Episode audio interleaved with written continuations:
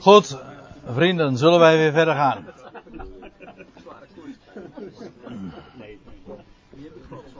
Wij waren dus gebleven in het zevende vers. Dat de mensen, die enorme grote scharen, ja, toe waren aan een avondmaaltijd. Dat weten we trouwens, dat weten we ook weer uit een andere, uit de andere evangelie. Want dat staat hier niet expliciet vermeld. Wordt wel min of meer misschien gesuggereerd. Maar in ieder geval, daar wordt echt gezegd dat het tegen de avond was. En ja, uh, het meest voor de hand liggend was om de mensen dan maar allemaal weer naar huis toe te sturen. Maar aangezien ze al een hele rit erop hadden zitten. Uh, ze waren in per slotverrekening helemaal naar Bethsaida toe gekomen. Vanaf de andere kant van de zee. sorry?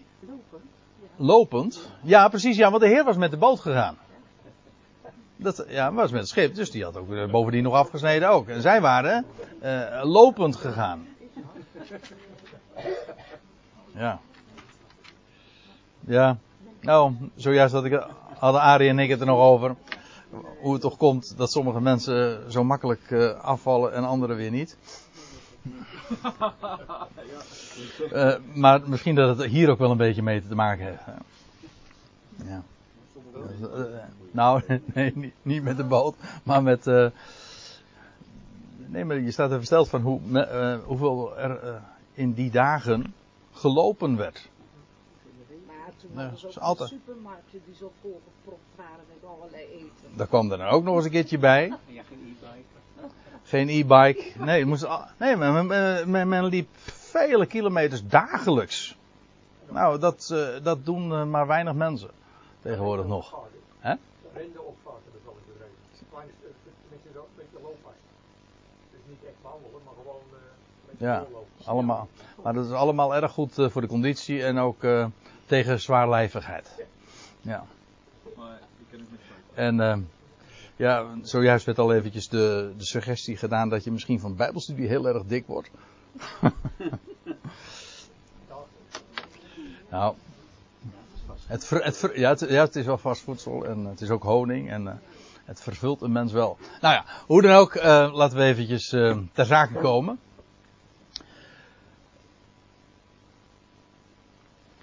De, de Heer had Filippus aangesproken en gezegd, nou koop maar het eten. En toen had hij gezegd, ja 200 schelling brood, 200 schellingen brood is voor deze niet genoeg. Als ieder zelfs maar een kleine hoeveelheid zal krijgen. En een van zijn discipelen, ja, nu pakken we de draad weer op. Een van zijn discipelen, Andreas. En samen worden ze ook elders genoemd in hoofdstuk 12, vers 22. Hier is het Filippus en Andreas die als enige genoemd worden. Uh, bij name bedoel ik van de twaalf. En in Johannes 12 dat duurt nog eventjes voordat we daar zijn gearriveerd. Maar dan lees je, en er waren enige Grieken, Grieksen, Griekse Joden, geassimileerde Joden. En onder hen, en dat was dan in dit geval in, bij Jeruzalem, die opgingen om, het om op het feest te aanbidden. En deze dan gingen tot Filippus. Dat waren dus geassimileerde Joden uit het buitenland, meer speciaal uit Griekenland, de Griekse wereld. Die van, en deze gingen tot Filippus, die van Bethsaida in Galilea was. Dat wisten we al. Hè? En ze vroegen hem en zeiden: Heer, wij. Heer, dat zeggen ze dus tegen meneer Filippus. Wij zouden Jezus wel willen zien. En Filippus ging en zeide het aan Andreas. En Andreas en Filippus gingen en zeiden het aan Jezus. Er zit hier nog iets aardigs aan vast. Daar komen we in Johannes 12 uh, uitgebreider over te bespreken. Over de betekenis van deze geschiedenis. Maar Andreas en Filippus, dat zijn ook de enige twee van de twaalf die een Griekse naam hebben. Een naam die dus feitelijk gecorreleerd is aan het buitenland. Aan de natieën, nog anders gezegd. Dat verklaart dan ook deze geschiedenis weer een wat. Nou ja, Just a thought, zeggen de onze Engelse vrienden dan.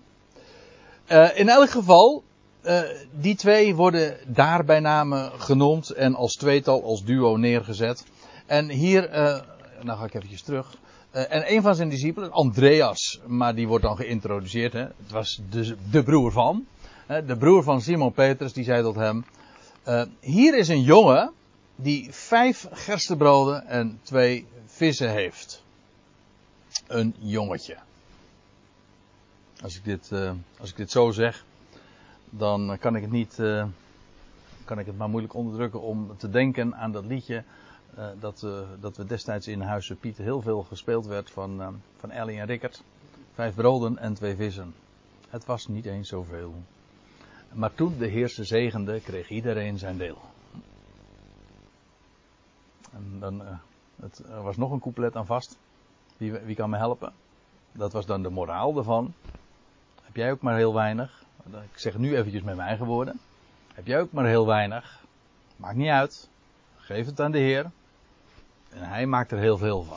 Hij, als, hij, als, als het in zijn hand, als, al, heb je maar heel weinig, wat had dat ventje nou? Helemaal niks. Hij geeft ze gewoon zijn lunchpakket aan de Heer. En wat er uh, gebeurde. Als de Heer het in zijn handen krijgt, dan wordt het zo groots en zo veel. Hier is een jongen die vijf gerstebroden en twee vissen heeft. Nou, het zal u niet verbazen dat daar toch ook wel wat uh, meer mee aan de hand is. Uh, in eerste plaats dit. Gerst herinnert ons direct ook aan de tijd waarin dit zich namelijk afspeelt, namelijk de tijd van het paascha. Want ge, het, het, in, in het feest van, de van het Pascha had je een speciale dag. En dat heet de dag van de eerstlingsscharven. De daags, dat dat, daar is geen datum voor gefixeerd, maar wel een weekdag. Er staat namelijk bij dat het op een dag na de Sabbat is. En op de dag na de Sabbat werd de eerstlingsscharven of de eerstlingsschoof van de gerstenoogst dus de gerstenoogst was het eerste wat binnengehaald werd. In het vroege voorjaar werd de, de, de gerstenoogst binnengehaald. En de eerstlingsschoof werd dan naar de priester gebracht. En die priester dan, die bracht die schoof dan op een specifieke dag, namelijk op de dag na de Sabbat. Bracht hij die, uh, nou ja, hoe, hoe lees je dat? Ja, op de achtste dag daarmee dus. Maar dag, daags na de Sabbat uh, bewoog die, die schoof dan voor het aangezicht van de Heere, lees je. En daarmee, ja, dat was, dat was de dag van de eerstelingsschoof. Maar het was de eerstelingsschoof van de gerstoogst. En dan vanaf die dag moest men 50 dagen gaan tellen. En zeven, sabbat, uh, zeven sabbatten tellen. En na die zevende sabbat vervolgens, krijg je dus de vijftigste dag.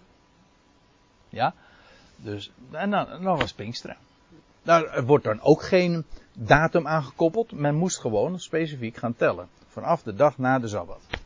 Maar het, nou komt het echte verhaal natuurlijk. Het allermooiste hiervan. En dat is dat die dag van de eerstlingsschoof. De dag is geweest dat de Heer. Onze Heer Jezus Christus. De eersteling uit de doden. Opstond uit het graf. Die dag de dag dus van de eerstlingsschoof van de gerstenoogst. Het begin van de gerstenoogst. Dus. Het officiële begin van de gerstenoogst. Stond hij op uit de doden. Als, hoe kan het ook anders, de eersteling. Hij, hij stierf op de dag van het paascha. Dat het lam geslacht werd.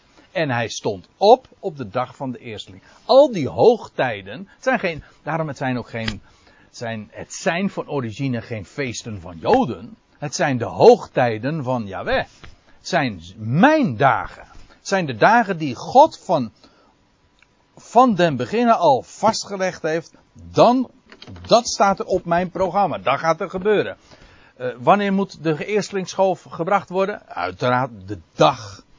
Uh, dat mijn zoon uit de doden wordt opgewekt. Je kan het ook omkeren natuurlijk, maar in ieder geval dat moet samenvallen. Daar gaat het maar om. Dat is natuurlijk schitterend en dat geldt trouwens voor al die hoogtijden. Dat is een geweldig verhaal. Daar gaan we het nu verder niet over hebben. Maar als we het over gerst hebben, gerstebroden, ja, dan moeten we bepaald bij gerst. U weet wel, u weet wel wat het verschil is tussen gerst en, uh, en tarwe. Nou, je ziet het heel goed, hè. Gerst, die, een gersteaar, dat is zo'n hele harige aar. Harige aar, ja.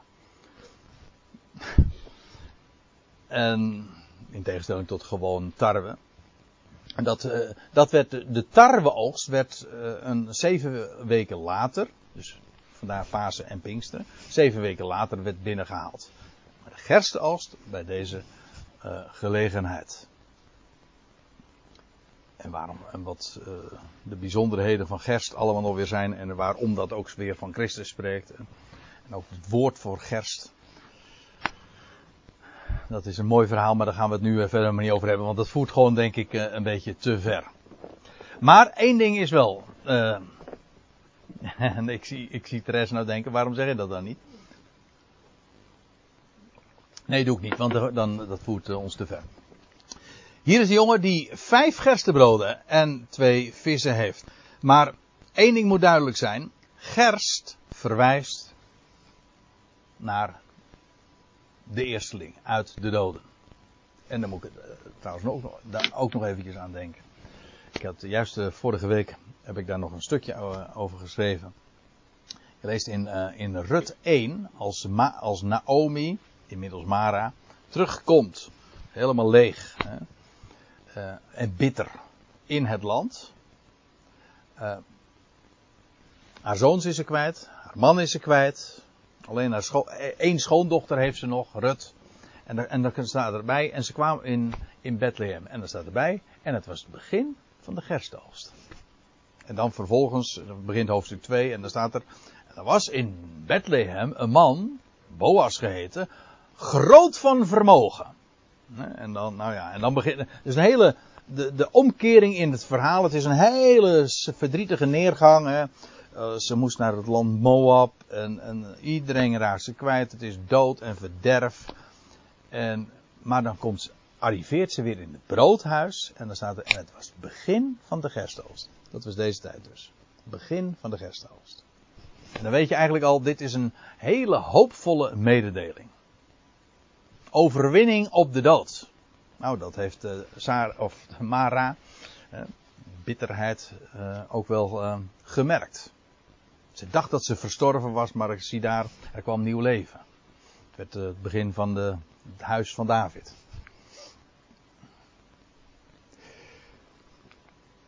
En dan nog wat. Dat jochie, dat heeft vijf gerstebroden te bieden. Wat natuurlijk helemaal niks voorstelt. Nee, maar daar hebben we het nu juist over. Hij gaf vijf gerstebroden en er staan twee vissen. En ja, dat is ook zo'n mooi verhaal. Want vissen, zijn eh, het embleem eigenlijk van de afgelopen 2000 jaar. Hm? Binnenkort zien we twee ja, wat dat wilde ik. Uh, dat, uh, ik heb dit dus, hè? Jij bedoelt dit. Nou, over, dat, dat astrologische embleem. Astrologisch, uh, sommige mensen gaan dan meteen uh, stijgen. Dat begrijp ik heel goed hoor, waarom, ze, waarom je dat dan doet. Maar op zich, dat hele, dat wil ik maar gezegd hebben de dierenriem zelf is een, een gegeven dat in de schrift voorkomt. En daar zit een geweldige betekenis aan vast. Ik heb ooit uh, geleerd van ja, alles wat met de dierenriem en met de astrologische tekens te maken heeft, dat is occult en afgodisch. En uh, daar ben ik helemaal van bekeerd. Inmiddels weet ik, het is gewoon, het spreekt allemaal van hem. Het is het evangelie. Ik zeg altijd, uh, ooit had, we hadden het ooit net over uh, Jacob Klein-Haneveld. Maar daar had ik ooit een boekje van, of een dunne brochure. En dat had als prachtige titel, het evangelie staat in de sterren. En dat ging dan ook over de twaalf sterrenbeelden. En later heb ik nog veel meer daarvan gehoord. Over al die 48 sterrenbeelden. Die stuk voor stuk, ook in de hele rangordening, spreken van, ja, van Gods plan, het evangelie. Beginnend bij de maagd, eh, als je, als, je, als je het heel kort wil zeggen en als je alle tussenliggende vergeten bent, maakt niet uit. Als je weet het begint en eindigt, dan weet je eigenlijk genoeg. Begint bij de maagd, eindigt bij de leeuw. Dat is uh, het verhaal van de dierenriem, want daar begint het en daar eindigt het. En dan weet je feitelijk ook meteen wat het evangelie is. Het begint bij de maagd, die niet kon voortbrengen. Nee, maar dan ken je de Heer nog niet. En het eindigt bij de grote leeuw. Hè, bij de leeuw. En waarom zeg ik dat nu in dit verband? Want er is namelijk ook een sterrenbeeld. Dat heet vissen. Dat weet ik goed, want ik ben van het sterrenbeeld vissen 2 maart. Hè? En, maar wat, wat wil dat zeggen? Uh, dat uh, in. Want u kent ongetwijfeld allemaal de, de term New Age. Weet u waar de term New Age aan ontleend is? Dat is een, in feite een gedachte die te maken heeft direct met de dierenriem. Omdat de. Ja, nou, ik, ik wil het niet ingewikkelder maken dan dat het uh, hoeft verteld te worden. Maar het komt erop neer dat op het lentepunt staat de zon in een sterrenbeeld. En dat, eh, om, waarom dat zo is, eh, doet nu niet de zaken. Maar dat verschuift elke 2000 jaar. En die verschuiving duurt ongeveer ander, anderhalve eeuw. Maar 2000 jaar, de afgelopen 2000 jaar stond het lentepunt. Eh, stond de zon, nee, was, stond, was het lentepunt in het sterrenbeeld de vissen. Daarvoor was het in het sterrenbeeld de ram. Maar de afgelopen 2000 jaar stond de, uh, werd gekenmerkt door het tijdperk van de vissen. Nu zitten we in een transitie en gaan we naar een new age toe. Dat is, ik zei al, dat is, dat die hele overgang duurt uh, anderhalf, uh, anderhalf, anderhalve eeuw. Maar in die transitie zitten we nu. En dan zitten ze er een beetje over te steggelen van wanneer dat nou eigenlijk helemaal echt gecompleteerd is. Doet nu niet de zaken. Maar we gaan naar het tijdperk van Aquarius. Daar is een hele mooie musical ooit over gemaakt. Hè? The Age of Aquarius. Prachtige song trouwens ook. De tijdperk van de water, dat is de naam Aquarius, is de waterman. Na de vissen tijdperk van de vissen krijg je de tijdperk van die waterman die altijd uitgebeeld wordt als die man die een kruik met water zo uitgiet over de aarde. En ik denk dan bij mezelf, ook daarin zie ik gewoon weer het evangelie en de sterren.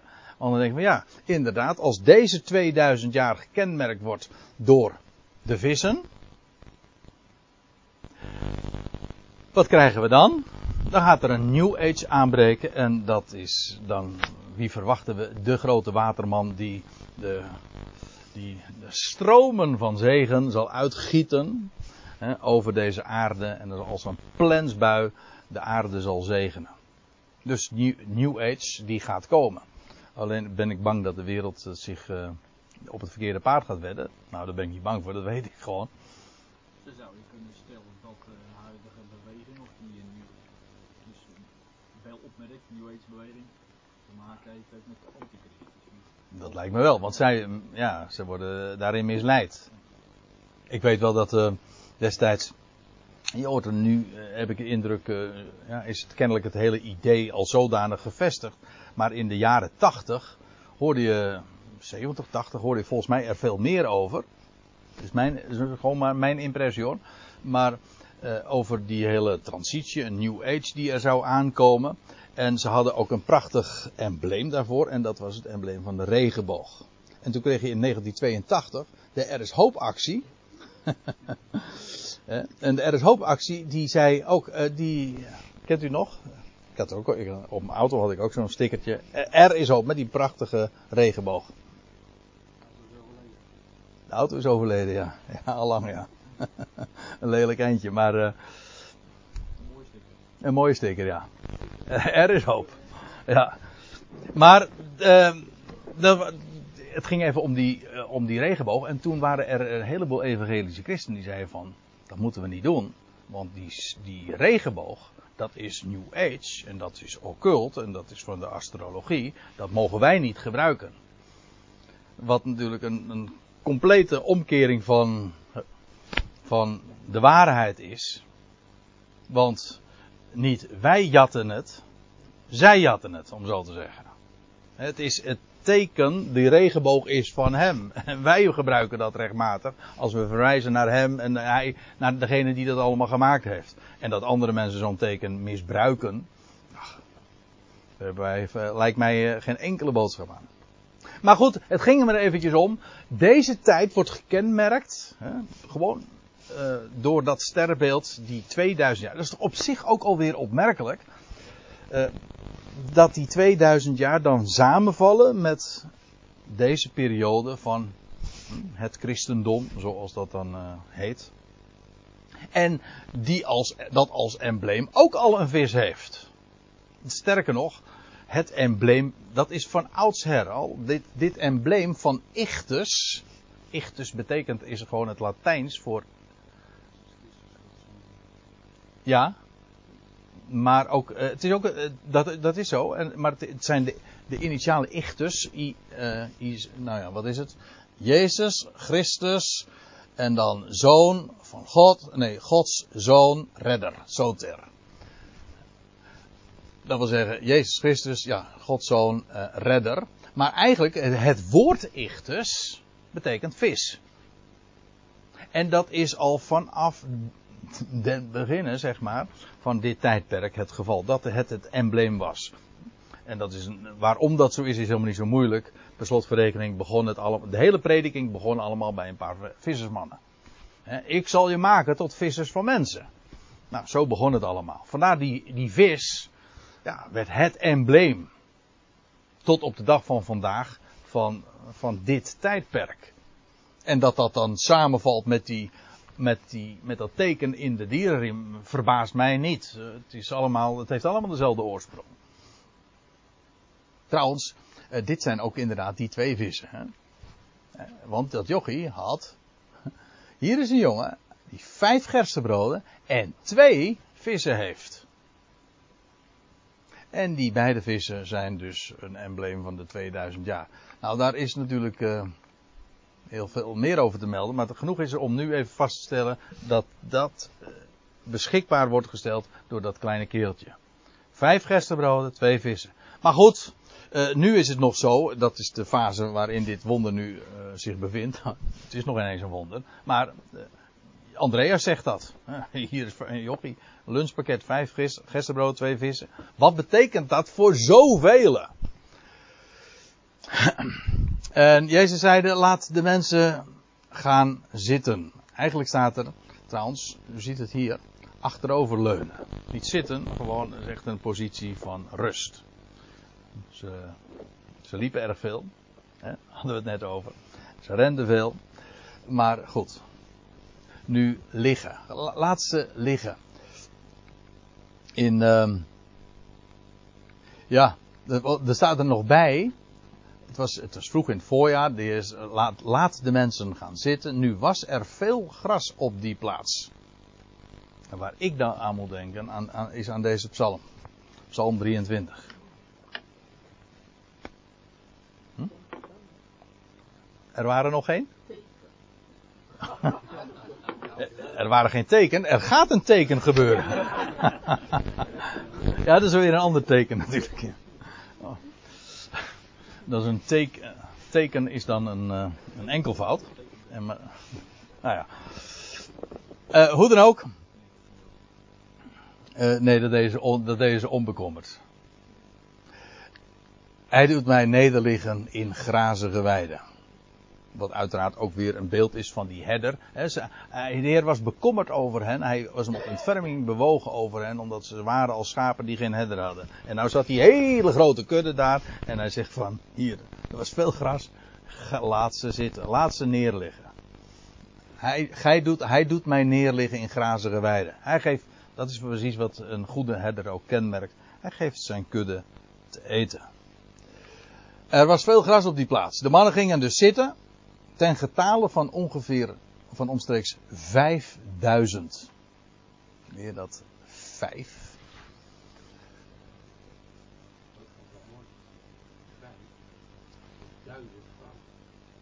Ja.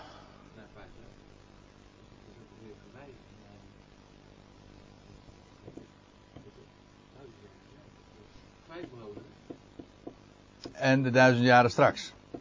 Ja, oh ja. Dat, die, uh, die uh, link had ik uh, voor mezelf nog niet gelegd. Ja, dat is mooi als je zo samen neerzit. Hè? dan, dan, dan kijk je, we kijken naar dezelfde tekst. Ik heb er vanmiddag en al veel verder van tevoren al is goed, wat goed over nagedacht. Misschien nu ook wel hoor. Maar goed, ehm, het is duidelijk. De Heer laat ze daar allemaal zitten. De mannen gingen zitten. Alleen die worden genoemd. De vrouw. Ja, sorry dames. En dat geldt trouwens ook voor de kinderen. De, de, eigenlijk is het in de Bijbelse gedachte, de, de, de vrouwen worden niet over het hoofd gezien, maar die worden gewoon inbegrepen bij de man. Hm? Dat geldt trouwens voor de kinderen ook. Uh, de mannen gingen dus zitten ten getale van omstreeks 5000, want, oh ja, dat is ook zo. Je leest ook. Oh oh, ik ga straks uh, opmerkingen krijgen zeker. Nee, oh, toch. Hè? Heel blij. Oh, we zijn heel blij, wou ik zeggen. Ik, uh, dat is toch een compliment. Maar. Um, oh ja, in de andere evangelie lees je ook, een van de evangelie, of meerdere, dat, uh, dat de. Hier geeft de Heer namelijk de instructie dat ze allemaal in groepen moesten gaan zitten. Hier wordt dat niet gezegd, maar nou ja, uh, elders lees je dat wel. Ze moesten in groepen van, god dat weet ik niet eens. 50 en 100? Ja, ja, zo was die ja. Hm? Ja, nee, nee, dat, dat, dat, weet, ja, weet ik wel, maar het gaat me eventjes om. Je, je begrijpt wel dat als je, als je dan vervolgens de mensen allemaal laat zitten in groepen van 50 en 100, dan heb je ook, dan heb je, dan is het ook veel simpeler te tellen om te weten dat er 5000 zijn. Of, dat, of dat je allemaal los moet gaan tellen. Laten we het daar ons even toe beperken. Misschien dat ik op die, de volgende keer op die 50 en 100 terug, uh, terugkom. Want ik zou dat nu even uit de losse pols moeten doen. Uh, weet ik even niet zo. Maar in ieder geval. Uh, ja. Jezus, dan, Jezus nam de broden. Oh ja, zo was het. Ze zitten daar dus allemaal. of ze liggen daar. Ze leunen daar achterover. En Jezus nam de broden. Hij dankte en verdeelde ze. Je leest in Marcus 6, weer dat parallelgedeelte waar we nu al vaker naartoe gegaan zijn. Daar staat, het, daar staat er niet, hij dankte. Laten we even het lezen. Marcus 6. Hij nam de vijf broden en de twee vissen. Hij zag op naar de hemel. En hij sprak de zegen uit. Ja, ja ik, ik vind dat altijd een prachtige bevestiging van een waarheid die je ook gewoon elders in de Bijbel vindt. Namelijk dat danken per definitie hetzelfde is als zegenen. De zegen is juist gelegen in de dankzegging. Ik, ik ben zelf groot geworden uh, met de gedachte uh, bij een maaltijd, voor de maaltijd. Ik, als ik erover nadenk, moet ik er eigenlijk erg om, om grinniken. Voor de maaltijd bidden we erom. En na de maaltijd dank je. Voor de maaltijd, je weet niet wat je allemaal uh, voorgeschoten krijgt. Zodat ze de gedachte krijgt van, jongens, laten we daarvoor bidden. en, nou, en als het dan lekker smaak heeft, dan danken we ervoor. Nee, het is eigenlijk een beetje, het is een beetje vreemd dat een maaltijd, feitelijk hier niet. Want hier hadden ze alleen maar vijf broden en twee wissen. En de Heer die dankte. Op voorhand. Maar normaal gesproken, ik bedoel bij een gewone maaltijd. Om dan uh, te bidden voor een maaltijd die er al staat. Dat als je iets krijgt, dan dank je daar toch voor. De Bijbelse gedachte is ook altijd, eh, voor zover de. Daar zijn geen wetten voor, zo bedoel ik het helemaal niet. En, maar de Bijbelse gedachte is, je dankt voor de maaltijd. En dat, is, dat, hier, dat lees je hier ook. Of je zegent de maaltijd, maar nogmaals, juist hier blijkt dat danken en zegenen identiek is. Hetzelfde. En dan ga ik er toch iets aardigs ook uh, in dit verband zeggen over, mijn, uh, over de achtergrond. Want ik, en wij lazen dan, ik ben christelijk groot geworden. En dan werd de, zo bij gelegenheid als het avondmaal gevierd werd. Toen las de dominee het, uh, het avondmaalsformulier voor. En dan kwam daarin de zin voor het brood dat wij dankzeggend zegenen. Dus daarmee zeg je, uh, het brood, hoe wordt dat gezegend? Door de dankzegging. Dankzeggende wordt het gezegend. En dat is, uh, ja, dat zegt uh, zoveel over de rol die dankzegging speelt, maar ook wat, wat zegen eigenlijk is. Wat is nou de zegen die je in het leven ondervindt? En dat geldt niet alleen voor het eten wat je krijgt. Wat is, nou, laat ik het anders zeggen. Wat is een gezegende maaltijd? Is, dat is niet een maaltijd die lekker gesmaakt heeft. Dat is een maaltijd waarvoor je hem gedankt hebt. Dat is, dat is de zegen. Een maaltijd waar je hem voor dankt is gezegend. Eh, maar dat geldt voor elke activiteit. In, hoe, in hoeverre is dat, is, dat, is dat een zegen? En dat geldt zelfs voor condities waar je in verkeert. Is je, heb je gezegend werk? Heb je een gezegende dag gehad? Heb je een gezegende, oh, noem maar eens wat op, een voetbalwedstrijd gehad? Is dat een voetbalwedstrijd waarbij je gewonnen hebt? Nee, gewoon, gewoon alles. Alle, dus dat betekent trouwens ook dat alles in ons leven een zegen kan worden. En dat betekent dus ook dat als je succes hebt. Denk gewoon eventjes met mij mee. Je hebt succes. Is dat een zegen? Nou, niet per definitie. Als je hem niet dankt, dan is het geen zegen. Nou, nou keer ik het eventjes om. Nou heb je geen succes. Je maaltijd, de maaltijd was niet lekker. Je bent, je bent ziek geworden. Dan is dat een zegen? Het wordt een zegen op het moment dat je God gaat danken. Alles wat je bij Hem neerlegt en je dankt Hem. Nee, alles wat Hij geeft. Hij leidt jouw leven toch? En op het moment. Hoe, hoe wordt het een zegen? Op het moment dat je Hem gaat. Dank u wel, God. U geeft het. U bes, uh, ouderwets gezegd. U bestiert mijn leven. U bestuurt het. U geeft wat ik nodig heb.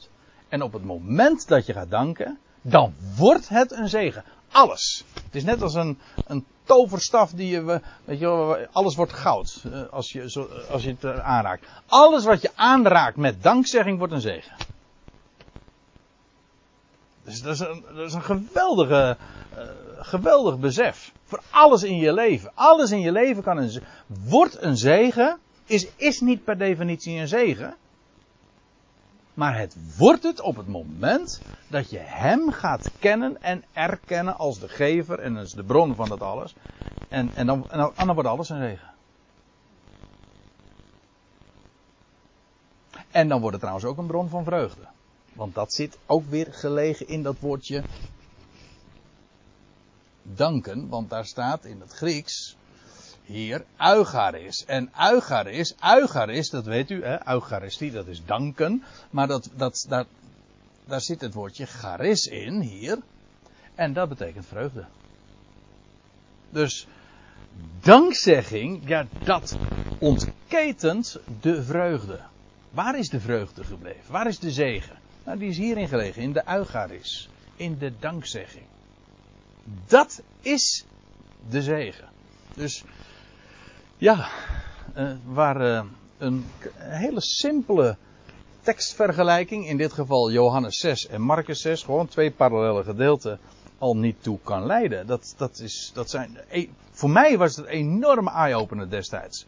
Toen ik zag de, wat nu eigenlijk zegen is. De zegen is dankzegging. Er is trouwens nog een.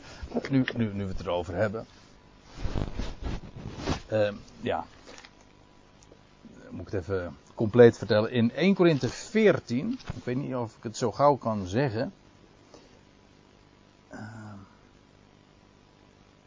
ja, ja, ik heb hem meteen. 1 Korinthe 14, vers 16. Daar staat. Want. De hele context doet nu even niet de zaak. Het gaat me even om dit ene punt.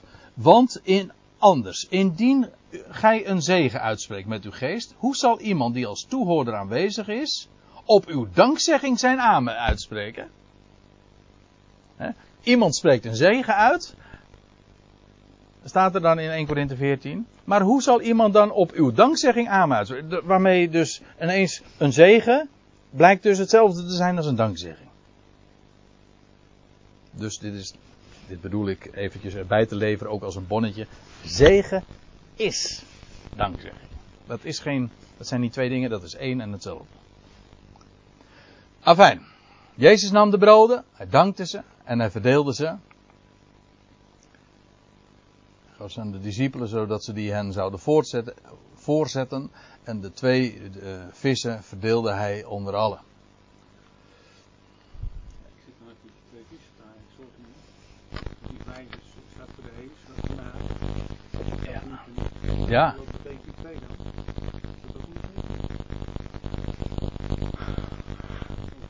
Hè? Ja, hoort, jij hoort mij zuchten nu, hè? Eh, maar ik, zucht, zit, zit nu vooral te zuchten om, omdat, ja, om, dat, om dat kort te vertellen. Want ja, bij, eh, als je het hebt over getallensymboliek. eh, bij de vijf inderdaad, dan denk je aan de, aan, de, aan de verborgenheid. Ik herinner me dat we hier op deze plaats al eens een keertje eerder. Jij wierp die vraag toen op, Ed.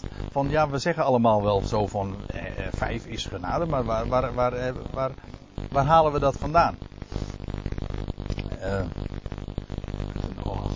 geopend venster. Nou ja, vijf heeft in ieder geval met de verborgenheid te maken, met, met, met genade. De twee, want daar vraag jij nu specifiek naar, heeft, ja, dat spreekt van, in het algemeen van, ja, van dualiteit, dat is nogal logisch.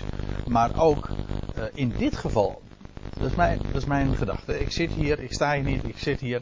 Eh, ik zeg, eh, die twee, die twee vissen heeft te maken met de 2000 jaar waarin wij ons nu bevinden.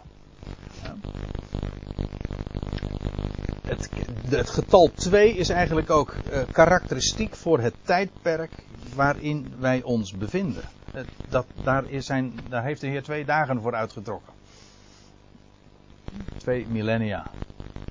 En eh, die twee eh, vissen link ik daaraan. Maar eh, wellicht dat er nog veel meer aan vast is.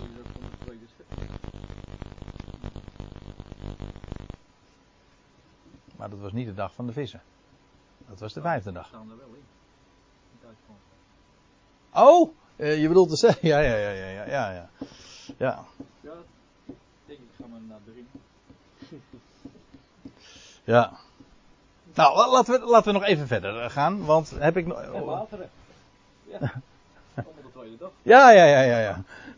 Ik dacht, wa- wateren? Ja, ja, Ja, ja. Dat, kan ook nog. Maar Nee, je had het niet over een werkwoord, dat begrijp ik. nou ja, ik, lees het zo, dus ik Ja. gelijk al. Ja. Ehm, Oké.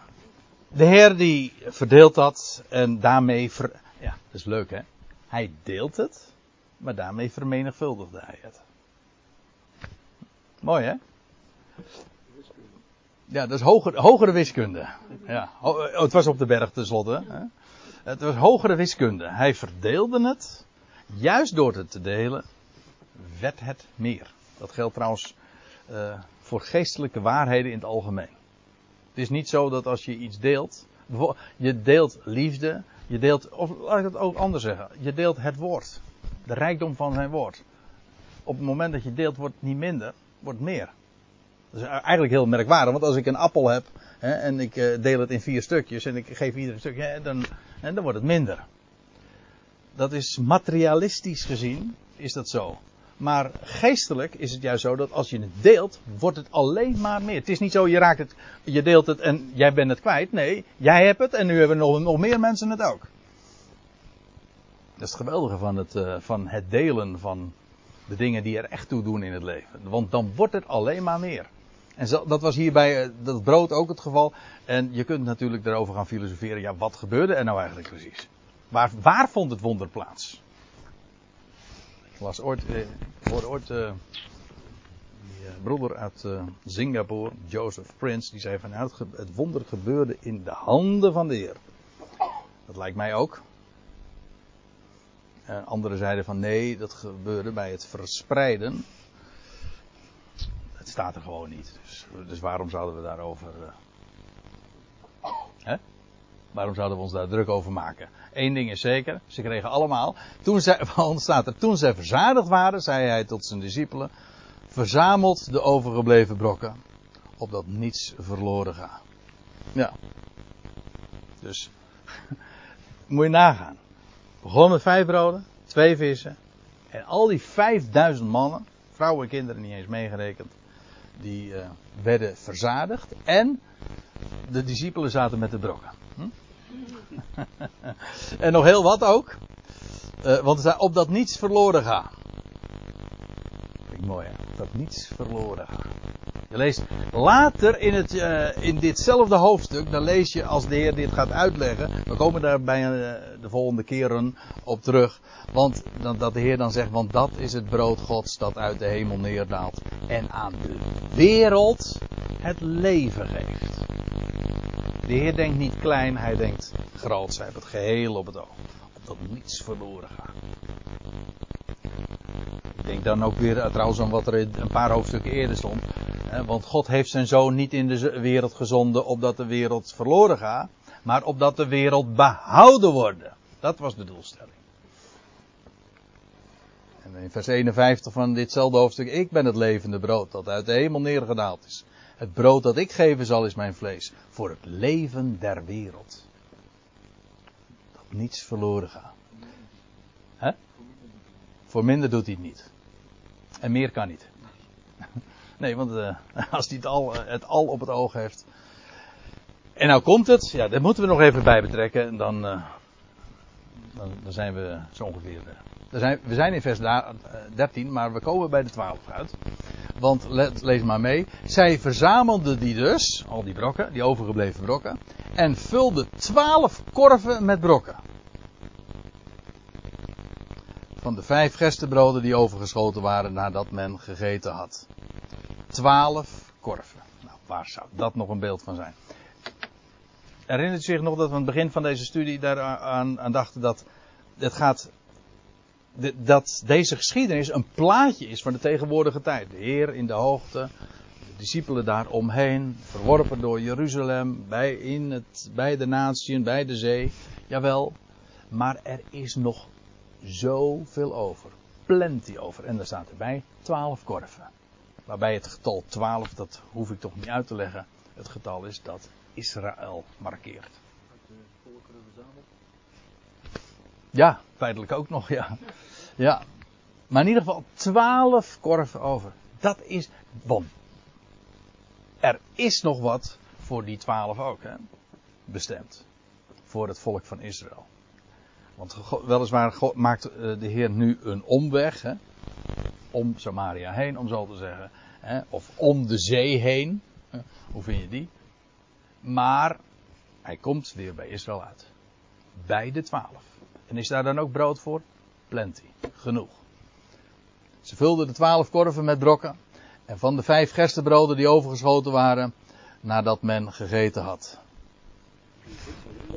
Nee, van de vissen lees je niet meer. Dat is heel eigenaar. Die, de vissen waren op. Ja, kennelijk. Zou je zeggen. Ja, die was voorbij. Ah, juist. Ja, ja, ja. Daar had ik nog niet aan gedacht. De, het, vissen, het vissentijdperk was voorbij. Ja, dat het ja. bestreek was, werd Israël verzameld uit de voorten. Ja. Prachtig. Ja. Kijk, zo je wijzen samen. Prachtig. Uh, nou zit ik alleen eventjes te denken. Ik heb nog... Mag het nog, e nog één ding? Eens... Hè? Hier, hier gaat het licht niet uit. Nou, want vijf broden, die kom je nog een keer tegen in de Bijbel. Bij David, ja. Uh, dat is een, oh, en dat is een mooie geschiedenis. Want dan komt David. Uh, hij, David is, even voor de goede orde. David is de verworpene. Hij was gezalfd tot koning. Maar hij zou, het zou nog een heel tijdje duren voordat hij werkelijk koning zou worden op de troon. In die tussentijd dus. Hè. En daar, daar gaan we in 1 Samuel 21 daar naartoe. En dan lees je daar. Uh, dat hij bij. Hij wordt dus achtervolgd door Saul. En dan komt hij bij de priester Achimelech. En zijn manschappen. David is de verworpene, maar hij heeft mensen bij zich. Mensen die niet zo heel erg deugden, maar hij, hij heeft manschappen uh, bij zich. Uh, die uh, wil hij te eten geven. En dan lees je, David kwam te Nop bij de priester Achimelech. En dan sla ik even wat over. Nu dan, dan gaat hij vragen. Nu dan, wat hebt gij voor handen? Geef mij vijf broden. Geef mij vijf broden mee, of wat er maar is. En wat doet de priester Achimelech dan? Toen gaf de priester hem het heilige brood, omdat er geen ander was dan het toonbrood dat men gewoon is voor het aangezicht des Heren weg te nemen. Wat gebeurt hier?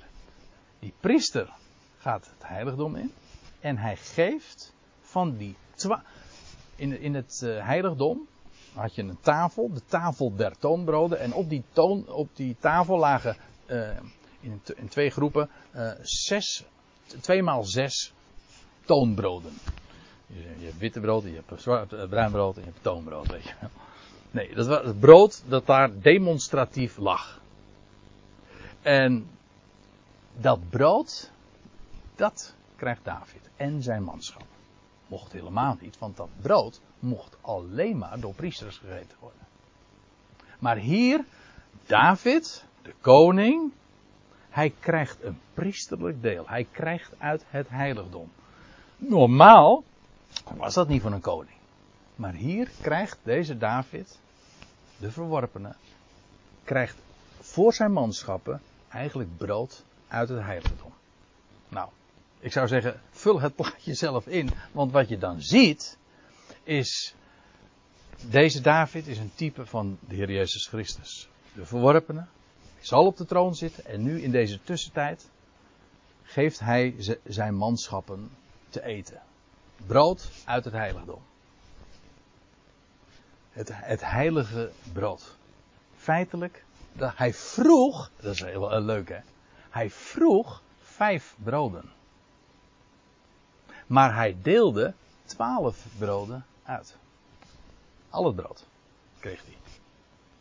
Weer vijf. Het begon met vijf broden. Maar het eindigde met twaalf broden. En het plaatje is feitelijk. Het loopt parallel. Omdat het gaat in Johannes 6 over de Heer die verworpen is door Jeruzalem, in de hoogte is, daar bij de zee gezeten. Het plaatje van de tegenwoordige tijd. Maar dit in 1 Samuel 21, idem dito. Ook een plaatje van de tegenwoordige tijd waar de Heer uit het heiligdom hemelsbrood geeft. En er is plenty over nog. En Israël krijgt straks ook zijn deel. Twaalf korven. Ja. Ja, dan moeten we nog, nog verder. Ja. Ja.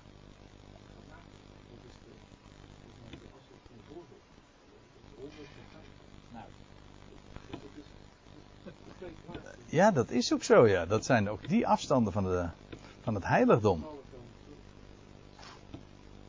Geweldig.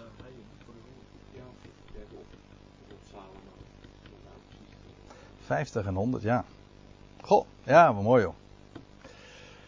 Ja, we zouden eigenlijk nog even verder moeten gaan, want de geschiedenis vervolgt. Maar uh, de avond, die we nu toch maar eens een keer afsluiten. Maar u begrijpt, uh, de ook niet alleen het brood vermenigvuldigde zich. Maar als je over deze dingen nadenkt. Uh, mijn opa noemde dat al zo. Onze gedachten vermenigvuldigen zich. Doen zich ook. Hè? Als je al deze dingen op je laat inwerken. Wordt zoveel, zo groots. Maar wat een, uh, wat een, uh, wat een heerlijk brood is dat eigenlijk, hè? als je daarvan mag eten. Ja. Maar zullen we het uh, daarbij laten voor vanavond?